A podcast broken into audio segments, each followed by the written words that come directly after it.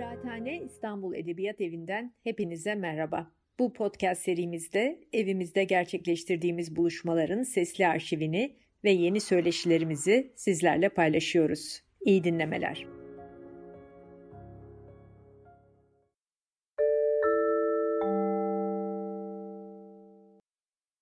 Kıraathane İstanbul Edebiyat Evi'ne hoş geldiniz. Bugün e, hem müzisyen hem akademisyen iki misafirim var.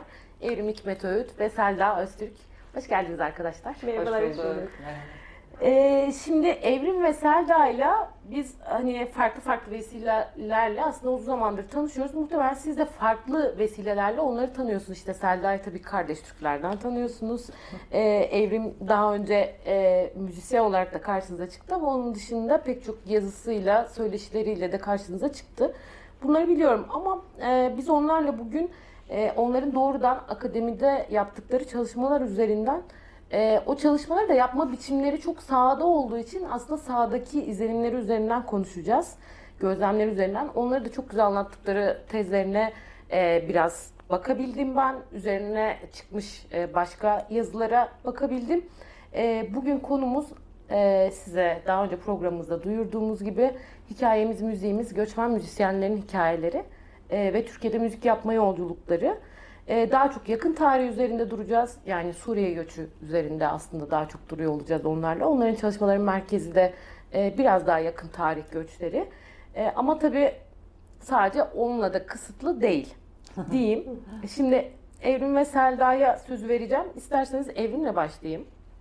Ee, Evrim birazcık daha çatı bir şey anlatır. Ee, çünkü Selda daha çok kadınlara odaklandığı bir e, çalışma yaptı. Oradan da oraya geçeriz. Öncelikle e, aslında bunu Evrim'e soracağım ama mutlaka cevabını Selda'dan da istiyorum. Çünkü şuradan başlamak istiyorum. E, Evrim'in tezinde de e, Selda'nın tezinde de dikkatimi çeken en önemli noktalardan bir tanesi aslında kendinizi konumlayışınız araştırma sırasında. E, bu çok kolay bir şey olmasa gerek. Bir e, hani hem müzisyen olmanızın getirdiği bir e, şey de var. E, aslında aralarında var olabilme, onlarla arkadaşlık edebilme, oradaki sanat çalışmasına başka bir şekilde katılabilme olana. Ama öte taraftan da nesnellik ilişkisini kurmanın çok da kolay olmadığı bir şey. E, ve göç olgusu hele Türkiye'de bu kadar e, ırkçılığın yaşadığı bir yüzyılı e, yaşamaya hep beraber devam ettiğimiz bir dönemin ortasında çok da kolay değil. E, birincisi bu araştırma metodunu belirlerken, kendini konumlarken e, nasıl bir şeyin içinde buldun? Oradan başlayalım. Sonra biraz daha açarız. Tamam tabii. Ben iki araştırmam var aslında. Bir doktora Evet. tez araştırmam 2011 ile 2014 arasında devam etmişti. O zaman İstanbul'daki Hristiyan Iraklı, Keldenli Iraklı göçmen toplulukla çalışmıştım. Ee, o böyle 3-4 yıl süren uzun süreli bir alan çalışmasıydı. 2015'te tezimi verdim ve sonrasında da İstanbul'daki Suriyeli müzisyenlerle çalışmaya başladım. O da yine bir uzun süreli alan çalışması oldu. Ee, ikisi arasında belli farklar da oluştu. Belki hani daha detaya girersek onlardan da söz ederim Evet. ama genel olarak her ikisine de yani göç çalışmaya başlarken aslında aynı zamanda politik olarak ilgilendiğim bir mesele olduğu için e, göç araştırması yapmaya başlamıştım. Yani müzik ve göç çalışmaya başlamıştım. Çünkü o dönem böyle benim kendi belki işte cehaletimi aşarak İstanbul'da yaşayan göçmen topluluklarla ilk defa karşılaştığım, e, onların varlıklarından haberdar olduğum, ne kadar çok transit göç, e, yani geçici göçmen topluluğun İstanbul'da yaşadığını fark ettiğim bir dönemde. Ve e, kentin içinde oldukça görünmez olan e, göçmen Evet bir de topluluklarla çok bağlantı özür dilerim altını çizelim yani. Senin aslında ilk çalışmanı ben hani o çalışmanı e, elimden geldiğince bakmaya çalıştım. Yani e, keldenlerle çalıştığım dönem aslında Türkiye'de göç meselesinin tırnak içinde bu kadar gündem ve popüler tırnak içinde Hı hı. hı. elbette olmadığı o öfkenin de bu kadar e, bu sokakta da örgütlenen devlet dilinde de örgütlenen e, şeyin de e, nefret söylemlerinin bu kadar belirgin olmadığı bir dönem. Evet evet tabii çünkü e, aslında tabii daha önce göç literatürü var yani etnomüzikolojik çalışmalarda Hı hı. Türkiye'de ama onlar daha ziyade işte Balkan coğrafyasından gelen göçler var vesaire. Hı. Yani ya da işte Türkiye Almanya arası Avrupa arasındaki göçlere odaklanan çalışmalar Hı hı. var. Benim çalışmam güncel göç hareketlerine odaklanan evet yani bir çalışmadan biriydi. Ee, ve çok küçük bir toplulukla çalışıyordum. Tam tersine görünmez bir toplulukla çalışıyordum. Yani kimsenin evet, tek göze kadar tanımadığı birkaç bin kişiden oluşan bir toplulukla çalışıyordum. O zaman benim derdim daha ziyade göçmenlere karşı ayrımcılıktan öte e, bilmiyor olmamızdı hayatlarını ve aslında onların ne kadar izole kalmak zorunda kalan ya da işte kentin e, belli yerleriyle sınırlanmak durumunda kalan bir yaşam yaşadıkları ve bundan haber haberimizin olmamasına dair bir şeydi daha fazla. E, daha görünür nasıl kılınabilir? E, yani ki ne yapıyor bu insanlar, müzikle nasıl bir ilişki kuruyorlar falan gibi sorular üzerinden hareket ediyordu. E, ikinci çalışmamda tabii artık Suriye'den göç 2015 yılında epeyce bir ilme kazanmıştı. Dolayısıyla e, artık yavaş yavaş bu bütün bu basındaki nefes söylemi falan da ortaya çıkmaya başlamıştı. Dolayısıyla biraz farklı e, şeylere, tarihselliklere de denk düşüyor araştırmalar. E, ama her ikisinde de dediğim gibi benim için aynı zamanda bir politik meseleydi. Bir taraftan e, bir etnografik alan çalışması yapmanın nesnellikle ilgili her zaman handikapları var. Yani işte alanda kurulan ilişkiler, bilgi alma biçimi tek yolumuz aslında başka bir yöntemimiz yok. Yani o kadar güncel olarak var olan bir olguyla ilgili bilgi üretmenin başka bir yolu da yok. Yani insanlarla görüşmekten, sorular sormaktan, gözlem yapmaktan başka bir bilgi edinme imkanınız yok. Ama o bilginin edinme imkanınız bir kere sizin sınırlarınızla sınırlı. Sizin o alana girebilme kapasitenizle sınırlı. İnsanların size güvenleriyle sınırlı. Yani birçok sınırlılıkları var. İşte o güveni sağlama meselesi falan oldukça e, e, zordu açıkçası. Bir de göçmen çalışmalarında göçmenleri araçsallaştırmamak önemli bir mesele. E, bunu yapıyor muyum sorusunu kendime sorduğum çok oldu. İşte ne bileyim benim onlar adına konuşmaya kalkıyor muyum sorusunu kendime sorduğum çok oldu. E, yani sonraki bazı araştırmalarımda da bazı yazılarımda da zaten biraz bunları da sorgulamaya çalıştım. Yani kendi pozisyonum neydi, ben orada ne yaptım, yaptığım şeyde nasıl problemler var ya da işte nerelerde ben nasıl sorunları nasıl aşmaya çalıştım falan biraz onların üzerinde de durmaya çalıştım. Bir de şey çok e, önemli bence. Ben tabii hani senin farklı dönemlerde yaptığım bu iki çalışmayı bu program hazırlığında peş peşe e, hani okumuş oldum. E, aslında hani göç göçün müziği bugün e, göç edenlerin Türkiye'de hani kısa veya uzun dönemli e, e, işte onların müzisyen olarak yer alışıyla beraber aslında Türkiye'nin bu dönemki e, göç okumasına dair çok önemli e, veriler sunuyor. Yani toplama dair de çok önemli veriler sunuyor. Bir de tam aslında o söylediğin şey o dönemki işte 2010'larda e, işte şey göçe bakış ya da hani aslında bakmayış çok böyle bunun gündem olmayışı. Ben şeyi de hatırlıyorum daha da öncesinde aslında hep sizin her ikinizin tezlerinde de değinilen şey yani Türkiye zaten hep böyle bir yer. Hep sirkülasyon var. Ben hatırlıyorum işte gazetecilik yapıyordum. 2008 falandı. İşte bir ara basmanede e, İzmir'deydim o zaman. İşte göçmenlerle ilgili bir şey yapmak istedim. O zaman da Irak göçü çok fazlaydı işte savaştan göçen. İşte o Basmane'de bir sokak vardı ve sadece göçmenlerin yaşadığı ve aslında herkesin bildiği ama kimsenin bilmediği hı hı. o sokak böyle sır gibi bir sokaktı yani. Oraya girmek için işte arada güvendiğim birileri ve hani mesela tanımadıkları bir görünümle sokak 5 saniyede kayboluyordu. Gerçekten buharlaşıyordu falan. Hı hı. Ee, o dönem ama bunlar çok daha az konuşulan hakikaten şeylerdi. Daha sayıları az ve gerçekten geçiş için buradalardı. Evet. Ama şimdi bugün başka bir şeyden bahsediyoruz. Bir de tabii e, burada Selda'nın da kendini nasıl gördüğünü o araştırma içinde merak ediyorum. E, her ikinizin çalışmalarında bir de hani sizleri insan olarak da tanıyorum ama sizlerin şahsi özelliklerinizi çok yansıdığını da belirtmek isterim. Yani bir akademisyen mesafesi diyeceğim buradan e, taşlanacağım. Yani şu anlamda söylüyorum ama hakikaten şey değil tamam e, e, yani dışarıdan da bakabilen ama içeride de gerçekten olabilen e, kendine de bakabilen bir o, o mesafeyi tutturmak hakikaten zor olsa gerek. Bir de ben çok isterim yani evrime de söyledim. Keşke pek çok insan özellikle müzik alanında çalışan e, erişebilse sizin çalışmalarınıza. E, çünkü çok, çok önemli kaynaklar oluşturduğunuzu da düşünüyorum yani ve bize anlaşılır biçimde anlatabilmişsiniz tezlerinizde. Her ne kadar e, çok fazla insan okuyamamış olsa da şu an. Teşekkür ederim. Bunu da belirtmek lazım. Dili çok önemliydi gerçekten. Benim e, yüksek lisans tezimle şimdi do- tamamladığım doktora tezim arasında bu anlamda çok büyük fark var bence. 2011-2012 yılında ben e, dengecilik geleneği ve Van'daki kadın dengeciler evet. üzerine yapmıştım yüksek lisans tezimi. Senin o tam da dediğin akademik değil benim hakikaten yani bilmediğim ve o anlamda cahil oldum. Şimdi bir şeyler öğrendim ama gene bir sürü konuda öyle hissediyorum. Bu yani bu süreç birazcık çok acayip. Öğrendikçe bunu da bilmiyorum, bunu da bilmiyorum oluyorsun yani süreçte. Merak ediyorsun da aynı zamanda. O zaman o anlamda şöyleydi. E, olmaktadır, maktadır, mektedir falan gibi Evet. böyle cümlelerle mesafeli. Siyasetin de çok dilidir ya. Aynen mesafeli ve e, sen orada yoksun yani araştırmacı olarak senin duygun, e, karşılaştığın sorunlar, hissettiğin falan bunların hiçbirisi yok. Sadece sanki uzaktan bakıyorsun ve onu yazıyorsun gibi değil mi? Ben de, de o zaman onu öyle kafamda öyleymiş zaten akademi. E, bilmiyorum da zaten. O zaman aldığım dersler ve şeyden dolayı da gene bir şeyim değişmemiş ve o tezi ben öyle yazmıştım. O yüzden çok üzülmüştüm aslında. Hmm. Çünkü senin dediğin gibi benim şeyime uymuyordu o. Yani yapılma karakterime uymuyordu. Ben başka türlü ifade etmek istiyorum ama sanki öyle yazmam gerekiyor gibi. O tamamen ama cehalet. Neden? Çünkü sonrasında doktora tezimde işte öğrendiğim üzere ta 1980'lerden beri başlayan bir tartışma var. Yani e, özellikle de feminist e, akademisyenlerin değil mi metodolojik anlamda önerdikleri öz düşünümsellik. Evet. Self reflexivity Evet. denilen demin evrimin de bahsettiği Evet. aslında o. Yani araştırmacı kendini e, şeyin içinde yani mekanın, insanların ilişkilerin içinde e, organik olarak olabildiğince bu ilişkileri kurmak, içinde olmak ve kendisi de sonuçta bir takım yüzleşmeler yaşıyor ki yaşadık. Yani bunlara açık olmak, e, o anlamda kesinlikle hiyerarşik olmayan ve birlikte e, kotarılan, yürütülen bir şey, süreç.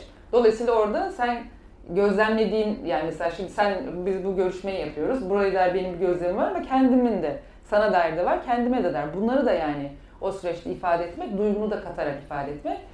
Ve hani çıkan sorunları ve onların çözümlerini de böylesi bir yerden. Aslında bu çok yaşayan bir şey. O zaman hani mesafesiz e, olmuş oluyorsun, gerçekçi olmuş oluyor. E şimdi bu benim şeyde çok rahatlattı. Ee, dediğim gibi yıllar önce zaten bu keşfedilmiş ama ben aslında hakikaten öyle bir iyi geldi ki bana hocalarım önerdiğinde. Evet dedim ya kendim istediğim gibi anlatabileceğim falan. Ondan sonra o yüzden bu tabii daha şey oldu. Ben de varım yani şeyin içinde yazarken. Çok daha Evet. iyi hissediyor insan çünkü. Kendini Bir de aslında sorumlu olmak ya orada. Tabii. Hani çünkü bunun çözümünün parçası hepimiziz aslında burada sizin gözlemlediğiniz, tespit ettiğiniz, size anlatılan sorunların. Diğeri hani böyle bir sorun var orada ama ben bir şey yapamam gibi Evet, bir evet. yerde duruyor ya. Aslında tam olarak bu çalışmalar e, neler yapabileceğine dair de bize düşünme fırsatı sağlıyor Evet. aslında bakarsak. Evet evet. Yani Yani bi- ha. Yok, buyur. Pardon yani biz insanlar olarak da yani bulunduğumuz alanlarda ben mesela kardeşliklerdeki şeyim de öyle değil. Kardeşliklerin duruşu, ilişkileri de öyle değil. Yani ona da çok ters. Ben kendimi hani sanatsal olarak oradaki şey içerisinde geliştirip kurmuşum mesela. Ee, o yıllardan beri hani ta üniversitede öğrencilik yıllarımdan beri kadınlarla görüşüyorum, e, sohbet ediyorum, Tabii. derlemeler yapıyorum falan. Yani o yüzden bana bir toslamıştım yani o şeyde. Sonra böyle rahatladım evet yani. Çünkü normalinde aslında biz öyle ilişki kuruyoruz. Yani böyle evine giderek, çay içerek, onu davet ederek hani böyle daha sıcak ve samimi bir şekilde. Bu doğrusu da bu. Senin bu sefer e, içine sindi ve Evet. önce doktor oldun. evet. evet. Ee, buradan aslında gene evrimin çalışmasında sorduğu bir soru var. Ee, yani aynı zamanda daha doğrusu bir çalışması üzerinden yazdığı bir yazının başlığı. Ee, müzik göçmenin ne işine yarar? Tabii artık biraz müzikle doğrudan göçmen ilişkisini konuşalım. Ee, ama ben bu sorunun e, sizden cevabını şu şekilde istiyorum. Müzik göçmenin iç- ne işine yarar? Ee, bu sorunun cevabını ararken mesela gerçekten hangi e, yolları kullandınız? Şimdi hani bir sürü metot kullandığınızı yazıyorsunuz. Ee, ama mesela bunlardan hakikaten hangisi daha fazla sonuç aldı? Mesela bu bu esnada ya da hani işte bu görüşmeler, tanışmalar, işte seyircilik, dinleme, işte performanslarını izleme, sohbet etme neyse bütün bu e, yollar e, o yollardan hangisi hakikaten sana daha doğru dönemleri verdi ve orada sana mesela hani bunlardan unutamadığın e, aklında ya da en çok yer eden birkaç tanesinden bahseder misin bize mesela onları kendi ifadeleri açısından.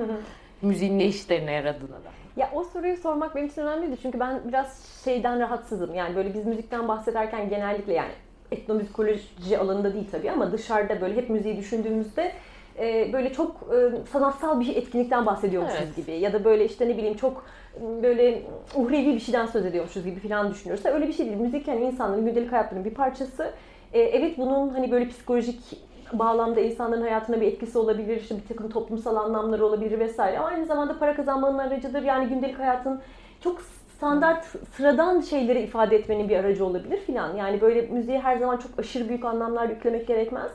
E, ve göçmenlerin hayatında da müziğin anlamı ne zaman değişiyor, nasıl anlamlar kazanıyor, nasıl işe yarıyor, nasıl o araçsallaşabiliyor, burada yeni kurdukları hayatı kolaylaştırıyor mu? E, duygusal anlamda da kolaylaştırıyor mu? Bir araya gelme anlamında, toplumsal anlamda da kolaylaştırıyor mu filan. Ekonomik anlamda da işlerine yarıyor evet. mu gibi sorular vardı aklımda. Dolayısıyla böyle müziği biraz insani bir şey olarak ve günlük hayatın bir parçası olarak zaten kültürel bir eylem olarak değerlendirmeye çalışıyordum. Ee, yani tabii bunun içinde özellikle ilk çalıştığım toplulukta ilk başta girdiğimde işte 2000 kişi kadar e, bir topluluktu İstanbul'daki Keldani Iraklı topluluğu. Bu arada onlarla birlikte müzik yaptığın detayını evet, evet, söyleyeceğim. evet, evet, söyleyeceğim. Çok korktum atlayacaksın diye. Hatta onunla ilgili hikayeler anlatabilirim ee, evet yani işte ilk girdiğimde böyle hiç e, profesyonel müzisyen yoktu o sırada toplulukta ve böyle şey diye düşünmüştüm ilk başta. Aa ne anlatacağım ki zaten buradan test çıkmaz yani benim başka şeylerle de bakmam lazım, başka topluluklarla çalışmam lazım falan diye düşündüm. Sonra içine girdikçe girdikçe hayır müzik her yerde yani gündelik hayatta dinleniyor, hafta sonu gençlerin eğlencelerinde müzik dinleniyor, evlerine gidiyorsun doğum günü partilerinde işte iPod'dan e, şeyden telefondan çalınan müzik dinleniyor. Parti yapıyorlar, şarkı söyleme yarışmaları yapıyorlar kendi aralarında. Kilisede zaten müzik var. YouTube'da sürekli paylaşılan hem popüler müzik var hem işte dini içerikli ilahiler var vesaire ve bütün onlara baktığında hakikaten bir dünya var. Yani müzik olmadan olur mu insanların hayatında? Elbette var. E, dolayısıyla onu böyle e, ayrıştırmaya çalışarak yani hem uluslararası ağların ağları kurarken nasıl müzikten faydalanıyorlar ya da nasıl iş görüyor. İşte dediğim gibi ekonomik hayatta, dini hayatta, e, kendi bütünleşmeleri, birleşmeleri açısından geçmişi hatırlamakla nasıl bağlantı kuruyor, burayla nasıl bağlantı kuruyor müzik gibi filan sorular üzerine gittim. E, müzisyen olmak tabii bir avantajdı benim için. Yani açıkçası keman çaldığımı öğrendikten sonra böyle hemen bana kapılarını açtılar diyebilirim. Ve kilisede benim e, kendilerine eşlik etmemi istediler. Kilise korusuna eşlik etmemi istediler. Çok korkarak kabul ettim. ee, ve yani gerçekten çok zorlu bir süreçti. Çünkü ben makamsal müzik icrası bilmiyordum. Yani o zaman daha da bilmiyordum. Hani sonrasında çalıştım biraz daha falan ama o zaman hiç bilmiyordum. E, o repertuara da hiç aşina değilim. Yani Keldane müziği repertuara da hiç aşina değildim. Yapamam falan dedim. Bir de benden böyle biraz e, hani kilisedeki müziği zenginleştiren bir şey yapmamı istiyorlardı. Yani böyle süslemeler hani çalarken böyle bir biraz daha e, böyle ağdalı bir üslup falan. Ben böyle tam tersi görünmez kalmaya çalışıyordum. Hani sadece böyle drone seslerini vereyim, arkada böyle küçük hani ses alsınlar benden, kolaylık olsun filan. Hani öyle bir gizli kalmaya çalışıyordum ama o da onları çok mutlu etmiyordu. Daha fazla ya öne çık biraz, keman çalıyorsun filan diyorlar. Neyse sonra e, bununla ilgili işte bu benim etkimle alana ve alanın bana olan yaklaşımıyla ilgili bir anım var. Onu da anlatayım. Madem örnek sordun. E, işte böyle bir aylarca çaldım yani ben kilisede. Şöyle oluyordu. Cumartesi günleri bir eğlenceleri var gençlerin. Oraya katılıyordum. Orada prova da yapıyorduk ilahiler için. Ben o prova sırasında kayıt alıyordum. Sonra ertesi sabah erkenden kalkıyordum. O ilahinin giriş melodisini notaya alıyordum kendim. Sabah 7.30'da falan kalkıp. Çünkü 8.30'da ayin var. Ve ayinde ilahileri benim çalarak başlatmam hmm. gerekiyor. Çünkü koronun benden ses alması lazım. Dolayısıyla giriş ezgisini ben çalacağım. E, ve bunu her seferinde yapıyorum, hazırlıyorum. Sonra ertesi gün çalıyorum ama hep o stres. Çünkü bilmediğin bir ilahi bir gün önce duymuşsun. Oraya aldığın iki şeyle bir transkripsiyon yapıp hani o notaları çalıyorsun falan. Neyse yaptım aylarca ben bunu. Sonra en sonunda artık işte alanda bir sürü örnek toplamışım ses kayıtları. Hani onları da notaya alacağız. İşte bir arkadaşım e, yardımcı oldu sağ olsun Belis'te yazmaya falan tezime ek olarak koyacağım yani topladığım ilahileri de. Dinliyorum bir tane ilahi ben varken başka bir ritimde çalınıyor ve söyleniyor. Ben yokken başka bir ritimde çalınıyor. Sana mı uydurmuşlar yoksa? Ben bayağı ben bayağı yani Iraklı Keldani kilise repertuarında müdahale etmişim yani. Hayır daha daha ilginç kısmı şuydu yani o zaman şeyi sorgulamaya başladım. Niye beni uyarmadılar? Evet. Yani ben öyle çaldım tamam başka bir ritimde çalıyorum. Evet. O ritimde söylüyorlar ilahiyi. Yani normalde çalıştığın bir müzik grubunda derler ki hadi baştan alsana. Evet. Falan ya da yani sonunda derler hani ya çal. yanlış çaldın bak dikkat et falan. Aynen. Hiçbir şey demiyorlar. Yani tabii sonra şunları düşündüm. İşte ben o zaman geçici göçmen olmak ne demek? Geçici göçmen topluluklarla kalıcı göçmen topluluklar arasındaki fark ne? Bu soruya odaklanıyordum. Tezimin asıl şeyi buydu. Teorik tartışması buydu. O zaman şunu düşündüm. Yani Irak'ta olsa beni kiliseye almazlar zaten. Yani o kadar yabancıyım ben o, o, evet. o kültüre. Ya da ne bileyim işte bazı ülkelerde Amerika'da falan hep Detroit örnek veriyorum. O dönemde ben çalışırken 12 tane Keldani Kilisesi vardı Detroit'te. Yani öyle bir yerde gitsem zaten benim orada işim yok. Yani zaten evet. orada kendi yetişmiş müzisyenleri var, gençler var, birileri var. Ama burada o kadar küçük bir topluluk ve o kadar o müziği sürdürmek için hani bir şekilde onu canlı tutmak için her şey okeyler ki yani orada senin o katkın ya tamam hiç yoktan iyidir. Çünkü önemli olan burada bir kilisede hani böyle canlı bir müzik performansının devam etmesi. Orada hani topluluğa şey verecek, enerji verecek, motivasyon verecek, e, o devamlılığı sağlayacak biri olarak senin yardımına ihtiyaçları var. Evet. Ve hiç onu tartışmıyorlar yani. Ama eminim yani Detroit'e gitsem hani ben geldim çalacağım diye yok canım kusura bakma bizim var filan derler. sen, sen şimdi makam müziği yapamazsın bilmiyorsun Sen şimdi anlamazsın filan. Normalde baştan geri çevir. Doğru söylüyorsun. Hiç mesela akla gelmeyecek bir şey yani. evet evet.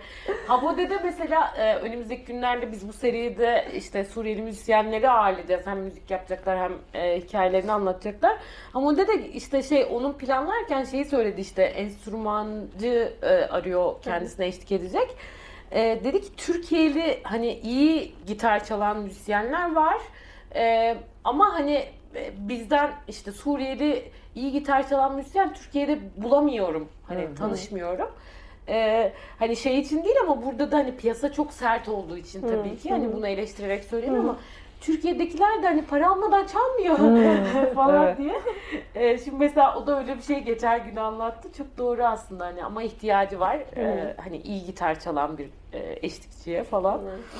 Ee, buradan e, Selda'ya da aslında pas alalım. Sonra aslında sen çok da güzel bir yerde bıraktın. Zaten oraya doğru de, akarız yavaş yavaş. Hani kalıcı göçmenin e, hikayesi. Yani senin tezinde Selda tabii en çok dikkatimi çek, çeken şeylerden bir tanesi zaten hani iki, ikinizin de çalışmalarının odağı o ama hani işte kadınların icra tavırları, işte ses tavırları hmm. üzerinden e, çalışmak, okuma yapmak, onların e, göç yaşama biçimlerine dair sonuçlar çıkarmak çok acayip geldi mesela. Biraz orayı anlatırsan çok güzel olur yani o metot olarak da. Hı hı. Ya aslında şey e, ses ve duygu meselesi ilişkisi benim aslında hani müzisyen olarak hani başladığımdan beri e, tabii evveliyatı da vardır onun. Hep böyle e, kafamı kurcalayan bir şeydi. E, çünkü kendim de duygulanıyorum. bir takım duygularımı ifade etmeye çalışıyorum ve bunları en güzel müzikle ifade ettiğimi düşünüyorum. O anlamda müzik benim elim kolum gibi yani. Ee, birinci şeyim. Ee, dolayısıyla orada şeyi merak ediyordum ben yani kadınlar e, yani ben bir şeyler hissediyorum. Ee, acaba işte şu hikayeyi yaşayan kadın nasıl hissediyor gibi. Yani o yüzden konuştuklarımda hep neler hissettiklerini hani neden bu e, ağıdı ya da şarkı yaptıklarını ya da hangi ortamlarda ne tarz şarkılar söyledikleri gibi soruları çok sordum. Çünkü kadınlar bir aradayken hani kadın kültürünün bir şey olarak başka türlü bir e, kültürleri ve gelenekleri var ve bu da aslında kuşaktan kuşağa aktarılıyor. Orada daha e, kendi, yani kadınlara has bir alan olduğu için daha ince detay şeyler açığa çıkabiliyor. Benim tezimde de e, şöyle şeyler e, hani çıkmıştı. Bir hani korolar var kadınların bir araya gelip müzik yaptıkları. Bir de e, evlerde ancak ancak hani birebir görüşmelerle dinleme şansına eriştiğim onların kendi yaptıkları şeyler. Besteler. Barış temasında beste vardı. E, aşk temasında vardı ama ağırlıklı olarak ağıtlardı. Çünkü savaştan hmm. dolayı geldikleri için, savaşın tanıkları olduğu için.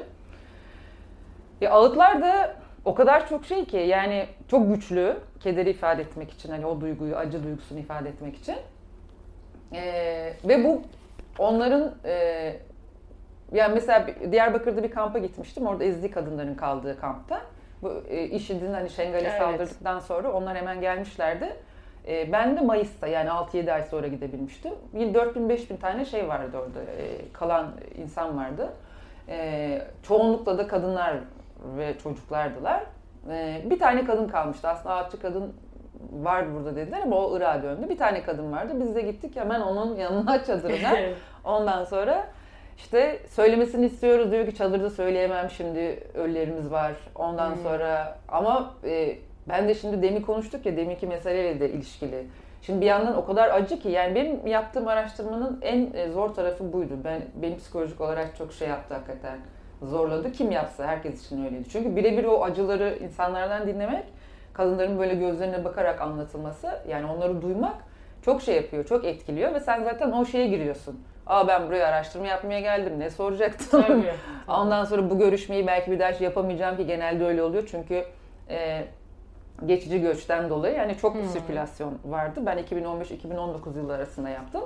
Bir kere görüştüğümü neredeyse ikinci kere bulamıyordum o kişiyi. Ama e, yani görüşmede mesela diyelim sohbet ediyoruz ya e, gerek hani birebir görüşmelerde bazılarında böyle toplu olarak hani kadınlarla koroları böyle e, toplu görüşmeler hep beraber sohbet ederek orada şimdi birisi bir şey söylüyor öteki oradan bir şeyini hatırlıyor o kendisini başka türlü ifade etmek istiyor falan böyle bir şey olunca e, ben bu görüşmeden sonrasında acaba kafamdakilerin ne kadarını e, şey yapabildim konuşuldu ne kadarını çıkarabildim sonrası çok geride kalıyor çünkü şey orada başka bir şey oluşuyor. Tabii. Zaten bence öyle de olması gerekiyordu. Yani ikinciye belki bir daha görüşemiyorsun falan. Bunlarla sonuçta yani böyle bir süreçle bir takım şeyler elde ediyorsun. Hani veriler, bir takım çıktılar. Onları düşünüyorsun, anlamlandırmaya çalışıyorsun. Böyle böyle böyle kuruyorum. Belki mesela aynı kişiyle birkaç sefer daha görüşsem gittikten sonra gittiği yere hani devam ediyor ya sonuçta göç. Tabii. Bir kısmı burada kaldı ama o kişilerin çoğu gittiler. Gittikleri yerde. Bunlar hep hani başka başka türlü araştırmalar Tabii şey o olacak. başka bir şeye Aynen. iyi bu sefer elde etmiş olursun. Aynen. Benim de şeydi yani en büyük şey mesela korolarda bir e, sürekli değişiyordu insanlar. Çünkü hani göç devam ediyor. Ama işte kadınlar çok mutlular bir araya gelip orada bir saat iki saatte olsa kendi bildikleri sevdikleri şarkıları söylemekten. Ondan sonra e, diğer öteki tarafta da ağıtlar dediğim gibi çok şey ağırlıkta ve onlar zaten keder ve acı dolu yani.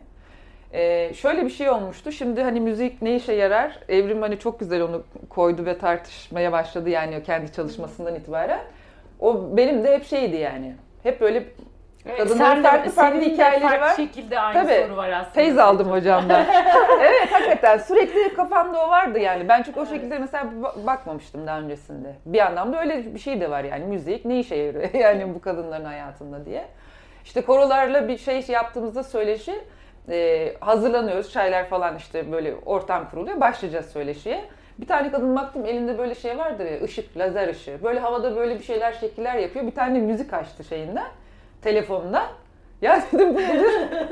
diyor ki ben de mutsuz olduğum zaman açıp bunu dinleyeyim diye benim oğlum Selin diyor onun bir tane şarkısını koymuş. Eline de böyle şey vermiş. Çok iyi ya. Onu açıyor. Ortam bak harala gürele. Biz hazırlık yapıyoruz. Bari başlayacağız. O da o sırada şarkıyı açmış. Burada da böyle ışıkla dans ediyor. ya, O öyle diyor, ya. dans ediyor. Müzik işte buyur ne işe yarıyor. Yani o kadar çok işe yarıyor ki o anlamda. Ondan sonra e, öyle yani şimdilik böyle diyeyim sonra gene Evet, aslında yani zaten hep ben de onu düşündüm. Yani evrimin o çizdiği çerçeve dediğin çok doğru. O kadar doğru ki aslında biz bunu hani bütün sanat e, yani sanat alanı tamamı üzerinden söyleyebiliriz. Çünkü hep öyledir ya işte. Kriz anlarında işte yasak dönemlerinde o halde işte şu an ülkede yaşayan pandemide ya bütün Bunlar patlar yaşadık. değil mi yani Hep sanatsal üretim hep- falan? Evet yani en az ihtiyaç duyulan şeymiş gibi ama tiyatro olmasa da olur, müzik konser olmasa da olur falan. Hala 12'den sonra müzik yasak falan yani. Evet. Ama hani işte insanların hayatında o kadar organik olarak var ki aslında sen ne yaparsan yap. Biraz sizin zaten e, o anlatılardan da aktardığım şeylerden hep onu düşündüm yani. Çünkü hep böyle düşündüğümüz bir şey yani yoksulum da öyle. Hani yoksulun ne işine yarar? İşte tırnak içinde alt sınıftan insanların hayatında sanat nasıl yer alabilir ki? Bu insanlar nasıl ulaşabilir ki? Ya da ona nasıl dokunabilir ki? Ee, ama aslında var. Hani gördüğümüz üzere. Şeyde Pınar'ın mıydı siz söyleşi de yapmıştınız. Soy ismini hatırlayamadım. Pınar Öğünç mü? Ha evet. E, e, Tophane'de değil mi bir sergi yapmıştı. Ha Pınar öğrenci. Ha, Ha, öğrenci. öğrenci. Pardon, Ha. çok pardon. Evet, Pınar öğrenci. Orada hani bir e, ud vardı şeyde, e, suyun üstünde. Öyle bir görüntü vardı bir şeyde, duvarda. Hani gezerken sergiyi, orada hem hikayesini de anlatıyordu falan. Böyle durup kalıp bakıp düşünüyorsun. Yani bota binerken o kişi udunu alıyor yanına ve işte götüren kimse o e, arkadaş bırak diyor yani hafifletmemiz lazım Evet, işte evet. alamazsın diyor. Ondan sonra canı yani anladın mı? Bir tek o. Yani o kadar yakın yani kendine. Enstrümanı götürmek istiyor. Ondan sonra alıyor elinden ve atıyor, kırıyor. Öyle bir değil mi? Öyle Suya yanlış hatırlamıyorsam. Suya atıyordu. Onun görüntüsü. Pogrom Yani- yani anlatılarına çok benziyor ya. Yani işte aslında göç hikayelerinin hepsi birbirine benziyor tabii.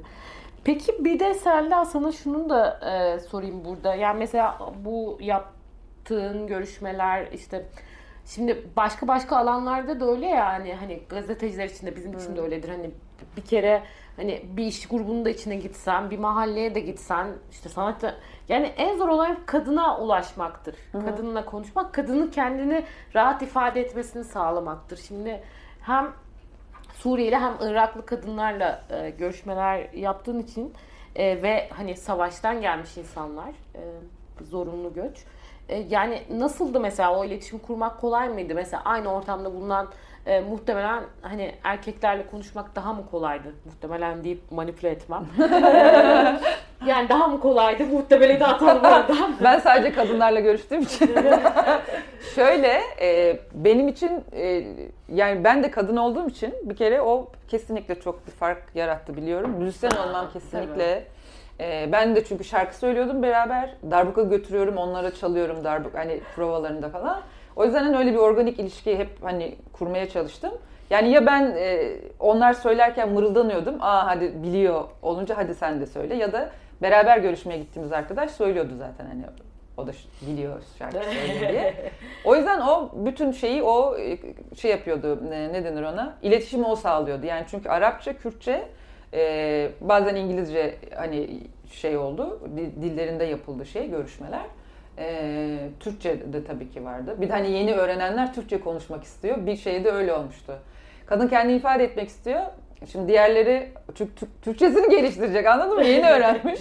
Diğerleri diyor ki Arapça konuş ben anlamıyorum senin ne dediğini. Arapça ortak bir dil çünkü Kürtlerde, Araplarda herkes hani o dili biliyor. Mecburen ona dönüyor. Sonra tekrar hani Türkçe denemeye çalışıyor falan böyle. Ee, bir de e, kadınlar birbirlerine de çevirdiler. Tercüman vardı. Ee, çünkü benim Kürtçem çok az. Arapça bilmiyorum. Ondan sonra İngilizce ve hani Türkçe. Dolayısıyla çevirmen mutlaka vardı. Ee, ama kadınlar da hep böyle toplu olan görüşmeler birbirlerine çevirdiler. Çünkü şunu istiyorlar yani ben bir, bir şey anlatıyorum sen de anla sen de anla herkes birbirini anlasın He. diye. Öyle bir şey vardı, dert vardı. Bu çok güzeldi. O yüzden hani ortam beraber hani kuruluyordu. Ben orada e, yani bir, ben de bir görüşmeci gibiyim. Çünkü ben de yeri geldiğinde anlatıyorum hani bir şey olduğunda. O, o onlar çok şeydi hani içime çok sindi o anlamda orada. Ee, başka ne diyecektim? Ha, Kadın yani olmaktan evet. dolayı çok da dolayısıyla zorlanmadım. O- Evet, aynen. Biraz Müzisyen olmak, müzisyen olmak, kadın olmak, evet, aynen. avantaj sağlamış. Bir de şunu ben çok hissetmiştim. Şimdi e, daha önce de ben dediğim gibi hani e, kadınlarla öyle bir bağım ve ilişkim vardı. Şimdi hani daha sistematik ve hani daha bir çalışma sürecine girdi ve bir sonucu çıktı. Ama aslında şeyi biliyorum yani kültürün içindeyim zaten. Ben de buralıyım. Ondan sonra Süryani kadınları tanıyorum aslında. Keldani kadınları, Arap kadın daha önceden çünkü başka başka yerlerde Avrupa'da ya da Türkiye'de görmüşlüğüm, muhabbet etmişliğim var. Onlardan şarkı dinlemişliğim, hikayelerini dinlemişim. O yüzden öyle bir yabancılık ben hissetmedim. Tam tersine zaten özellikle Süryani kadınları Bizde de Süryanlik yok diye biliyorum ama o da ne demekse Karslıyım tam da öyle melez bir yerde. Ya ondan sonra şey böyle sanki beklerken onlarla buluşmamızda teyzem gelecek, halam gelecekmiş gibi. Hakikaten geldiklerinde de öyle oldu yani. Öyle bir sarılıyorduk, öpüşüyorduk falan filan.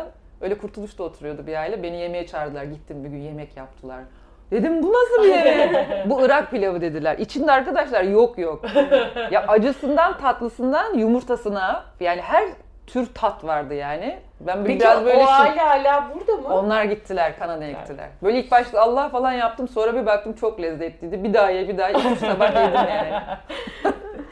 İşte şey orada ne dersen de aslında en başta gene vurguladığınız şey galiba çok önemli. İşte o ha- sizlerin hayat yorumu ve e, politik bakışı e, o şeyi e, iletişimi kolay kurmanızı sağlayan şey galiba en büyük o oluyor anladığım kadarıyla.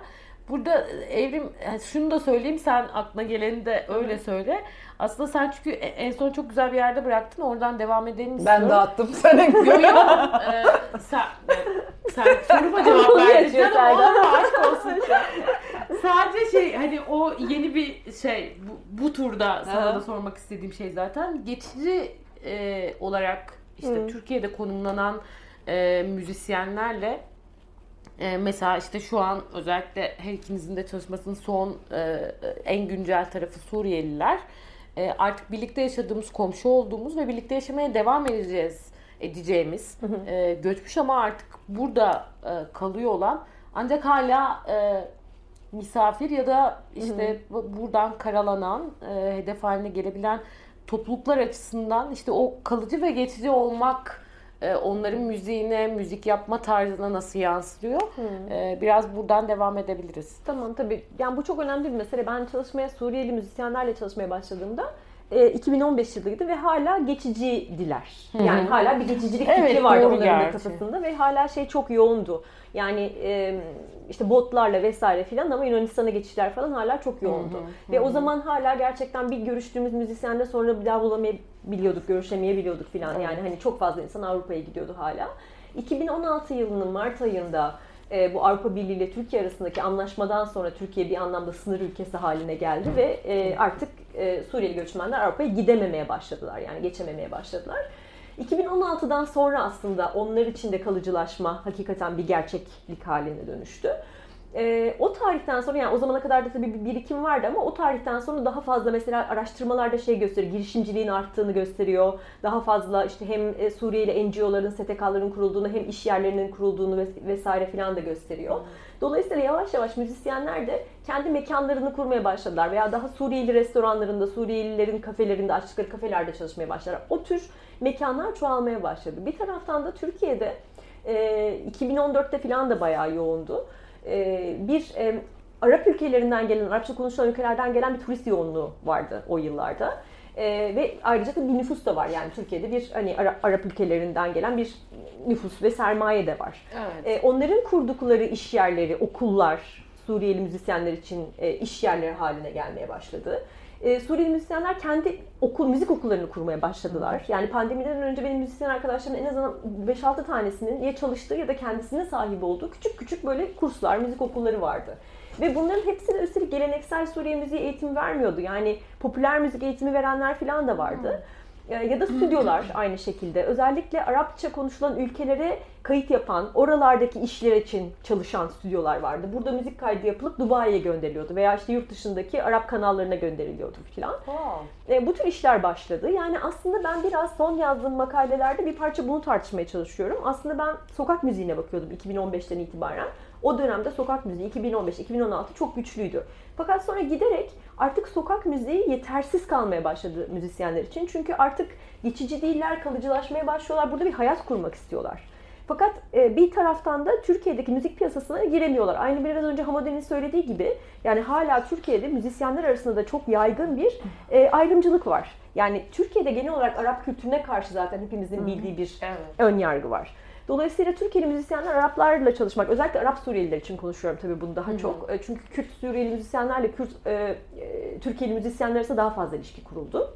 Neden? Yani o farkı da Yani bence tam burada Hem hem söylemen dil iyi hem olabilir. kültürel yakınlıklar açısından başka tartışmalı e, belki gergin şeyler de oldu ama e, orada daha fazla ben müzik olarak daha çok ilişki görebiliyorum. Daha erken tarihlerden itibaren Türkiye'li ve e, Suriyeli Kürt müzisyenlerin birlikte kurdukları gruplar oldu mesela. E, belki bunları Hamadi anlatacaktır önümüzdeki Evet. haftalarda o e, çünkü Kürt bir Suriyeli müzisyen. Evet. E, buradaki deneyimini anlatacaktır. E, ama Arap müzisyenler için böyle olmadı. Yani Türkiye'li Türk müzisyenlerle ilişki kurmaları pek kolay olmadı. Bu sebeple de bir tür aslında böyle bir niş, alternatif bir müzik piyasası oluştu. Yani Türkiye'deki diğer ülkelerden gelen, e, farklı pozisyonlarla Türkiye'de yaşayan Arap gençlere hizmet eden e, ya da Arap Arap ülkelerine hizmet eden bir müzik piyasasını çalışanları haline geldiler Suriyeli müzisyenler. Restoranlarda çalıyorlar, onlar için turist teknelerinde çalıyorlar. E, sokakta bile, sokak müziği yaparlarken bile işte dediğim gibi bir dönem en çok dinleyicileri aslında Arap ülkelerinden gelen turistlerdi vesaire. Mesela bu gözlem önemli bir Hmm, gözlem. Evet yani bir tür böyle bir niş oluştu ama dediğim gibi 2016'dan sonra artık bunun yavaş yavaş kalıcılaştığını ve hatta ben şey gibi bakıyorum dediğim gibi bir tür alternatif müzik piyasasının e, bir tür Arap müziği piyasasının oluştuğunu düşünüyorum Türkiye'de küçük çaplı. Ama tabii pandemi buna çok ciddi bir şey vurdu, darbe vurdu. E, 2019 yılında dediğim gibi 5-6 arkadaşımın şeyleri vardı, müzik okulları vardı. Geçen sene tekrar onlarla konuştuğumda ne yaptınız dediğinde bir sürü ar- sürü artık ayrılmıştı oralardan. 2-3 öğrencimiz kaldı diyenler vardı. Belki yavaş yavaş tekrar e, eminim e, canlanacaktır o alan.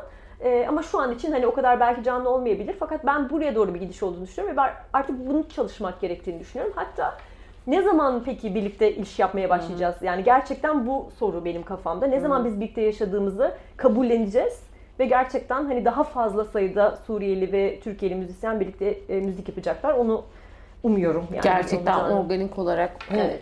Yani işte biraz o birlikte yaşamayı e, yaşayacağımız işte o artık onların yerleşik e, hayata burada geçti. Bizim de kabullenmemiz gerekiyor Evet, ki gerçekten evet. birlikte yaşıyoruz. aslında birlikte bir hayat kurmamız gerekiyor. de bile öyle. Yani ben sizlerin tezini okurken de bir daha bir daha düşündüm. Hani haberlere bakarken de hep onu e, düşünüyorum. Yani şimdi tamam devletin bir tanımladığı statü var bunu anlıyorum. Hani bunu sonuçta sosyal hayatla ve pratik hayatla ilgili onların yaşamında çok önemli bir karşılığı var.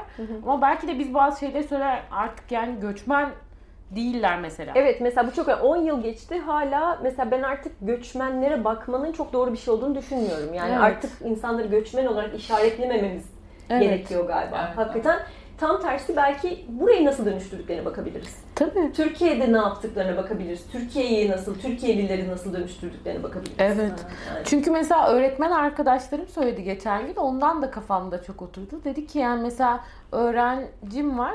Hani e, işte 10 yıldır buradalar. işte Suriye'den gelmişlerdi.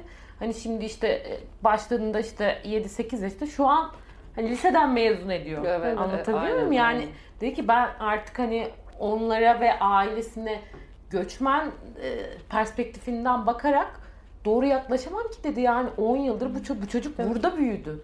Bu ülkede büyüdü. Bu ülkenin kültürü içinde büyüdü. Hani artık nasıl onu e, o gözle baktığım müddetçe ben onu gerçekten bu hayatın içinde, o sınıfın içinde entegre edemem yani falan demişti. Dedim gerçekten şaka maka hani ilkokul çağında gelenler şu an üniversiteye gidecekler. Yani eğer imkanları varsa tabii. Bu da işin başka bir tarafı. Ama e, bu noktada senin de ekleyeceklerin olabilir. Yani bu geçici Şu- olma ve e, artık kalıcı olma meselesi arasında müzisyenlerin Türkiye'de yer alışı. Yani e, herhalde bunu ilk gördüğümüz alanlardan bir tanesi sanat ve müzik olacak diye düşünüyorum. Şimdi evet dediğin gibi dedin ya hani oraya bakalım artık ortak Evet. üretimler ne olacak? Bence gelecek yani o. E, merakla bekliyorum ben mesela. Arap Bana şey Herhalde geliyor. kardeş Bizim- Türklerden bir şeyler olacak galiba. biz burada hemen İpuçları mı geliyor? Spoiler aldığımızı tahmin ediyorum. Bana, bana şey gibi geliyor. E, Selda bilmiyorum katılır mısın? Yani biraz Almanya'daki Türkiye'lilere bakmak Hı. lazım. O deneyime benzetiyorum ben. İstanbul'daki yani ya da Türkiye'deki Suriyelilerin deneyimini. Yani orada olanların benzerlerinin burada olmasını bekleyebiliriz gibi geliyor. Hmm. Yani benzer bir tablo burada da bekleyebiliriz gibi geliyor. Belki biraz öyle bir karşılaşma çalışma falan ilginç olur. Olabilir, Yani. olabilir. Ee, hemen Güncel, güncel dediğin gibi güncel bir şey. Ben Evet, şunu kesinlikle. ekleyebilirim. Tabii. Ee, şimdi evrimin demin anlattığı e, alanlarda ve hani şeyde çerçevede kadınlar nerede aslında? Biz bunu da konuştuğumuz Evet. e, şeydi. O e, meseleydi. Benim tezimde özel olarak ben hani sokak müzisyenleri ve Suriyeli müzisyenler ya da Iraklı müzisyenler gibi bir başlığım yoktu. Yani e, öyle bir ayrım yapmadım profesyonel amatör bir şey. Ama zaten e, o alana girince zaten karşılaşıyorsun ya da karşılaşmıyorsun. Yani göz ardı da zaten etmiyorsun. Yani elin kolun gözün açık bir şekilde olmaya çalışıyorsun. Bir de zaten müzisyensin. Ve ama o kadar çok az müzisyene rastladık ki kadın müzisyene. Ve orada e, genelde e, şeydiler, müzik öğretmenliği yapıyorlardı burada. İcra Hmm. alanlarında neredeyse yok gibiler. Yani şey alanları çok dar.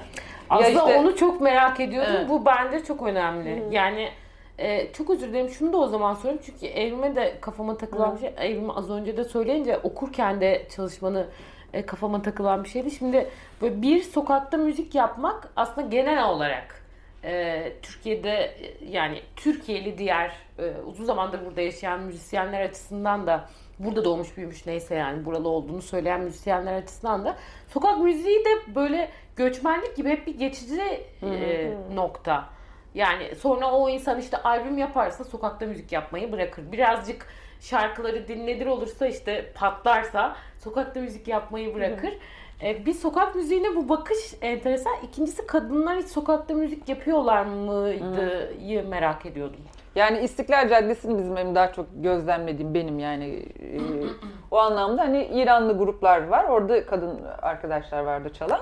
Suriyeli gruplarda ben hiç rastlamadım, görmedik yani.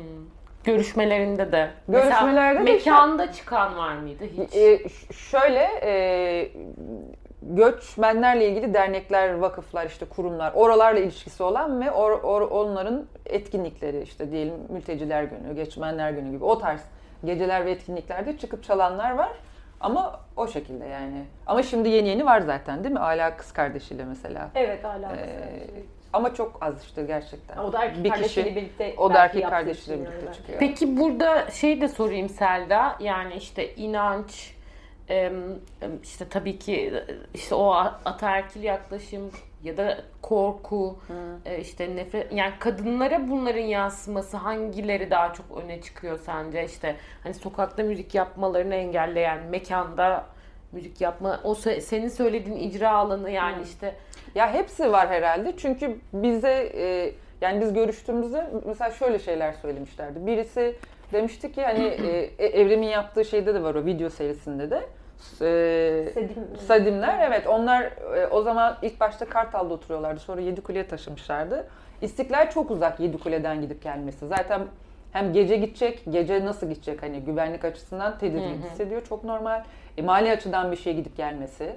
E, ben sokakta sesimi nasıl duyuracağım? Bir amfi bir şey gerekir. E, çünkü öyle hani gürültülü bir şey cadde. Orada sesinin çıkması için ona göre bir altyapı teknik desteği gerekir gibi gibi şeyler söylemişti ama zaten en başta da muhafazakarlıkla ilgili şeyleri söylemişti. Sonuçta sadece bu yani Suriye toplumunda da öyle bir şey var demişti yani bakış açısı olarak. E, icracılık sonuçta e, motive edilen, desteklenen bir şey değil demek. iyi bakılan bir şey değil. E, sahne ve icra kadınları. Ülkelerinde kadınlar peki aynı şekilde mi müzik e, icra ediyor? Yani Suriye'de yaşarken de bu kadınlar mesela ona Sokakta dair- Suriye'de çalınmıyormuş Zaten öyle söylemişler. Değil mi? Dilenci gibi görülür diye Ha. onlar sokakta çalmıyormuşlar Suriye'de. de. Sokak dışında da yani demek istediğim şey mi? Hani işte ne bileyim daha çok evde kadın arası Kadınların yan daha yana çok gelişler müzik eğitimine yani müzik eğitimi aldıklarında bile öğretmenliğe yöneltildiğine Ha. dair genelde görüşmeler. Daha çok eğitimci olarak Evet, evet, evet. müzik öğretmeni olmaya yönelik. İşte bir eğitim fakültesi var, bir konservatuar var mesela Suriye'de. Kadınların daha çok mesela ben de tanıştığım eğitim, müzik eğitimi almış kadınlar hep müzik eğitim fakültesinden, konservatuardan değillerdi. Aynen. Biraz da soundları konuşalım. Yani e, e, yani yine sizin çalışmanızın kapsamı daha geniş. Nereden ele almak isterseniz. E, ama yani işte gene e, odaklı olarak kalmak açısından işte Suriyelilere de bağladığımızda e, Türkiye'de yaşayan Suriyeli vatandaşlar daha çok yani e, bu müzik yapanlar hangi soundlarda yapıyorlar? E, hangi tavırları kullanıyorlar? Bir de hani Evrim buna cevap verirken şeye dair de varsa e, hani yine karşına çıkan beyanları işte ne bileyim işte bir yerde konser vermek istediklerinde mesela nelerle karşılaştıkları, e, burada e, önlerine çıkan engeller var mı varsa neler, e, onları da anlatmak önemli. Hani sokağa kullanmak tırnak içinde artık o da kolay değil ama yine de bir tık daha diyelim. E, ya aslında benim hep böyle akademik çalışmalarda falan da sorunsallaştırmaya çalıştığım bir şey bu. Bi- Biz bir böyle ilk düşündüğümüzde hep tarihselleştirmiyoruz yani göçmenleri. Sanki tarihsizlermiş gibi düşünüyoruz ve böyle hani geliyorlar yanlarında da böyle bir geleneksel Suriye repertuarı getiriyorlar. Hep onları çalıyorlar. Hep sadece Suriye müziği Evet. biliyorlar. Başka da bir şey bilmiyorlar falan zannediyoruz. Öyle bir şey yok yani bu insanlar hepimiz gibi insanlar yani. Biz ne dinliyorsak onları dinleyen insanlar yani. Hatta benim tanıştığım, görüştüğüm müzisyenlerin içinde klasik batı müziği eğitimi aldım. Hiç ben hayatta Suriye şey müziği yani geleneksel veya popüler müziği bilmezdim diyen de var. Ben sokakta söylediğim şarkıların sözlerini burada öğrendim. Hiç bilmezdim, söylemezdim bu şarkıları diyenler de var. İşte ne bileyim ben e, elektronik müzik yapıyormuş, rap yapıyormuş Türk, Suriye'deyken, Türkiye'ye gelince sokakta çalarken su- belli bir repertuarla tanışmış olanlar da var. Ama burada onlardan beklenen özellikle sokak müziğinde yani ben sokak müziği çalıştığım için uzun süre e, söyledikleri hep şuydu. Burada genel bir Arap coğrafyasında bilinen, e, Suriye'de de çok bilinen, az kısmı belki daha halk müziğinden ama çoğunlukla popüler repertuardan e, bir şey istiyorlar bizden. Repertuar bekleniyor. Çünkü dinleyenlerin çoğu e, dediğim gibi Arapça konuşulan ülkelerden gelen turistler onların bildiği bir müzik çalmaları lazım.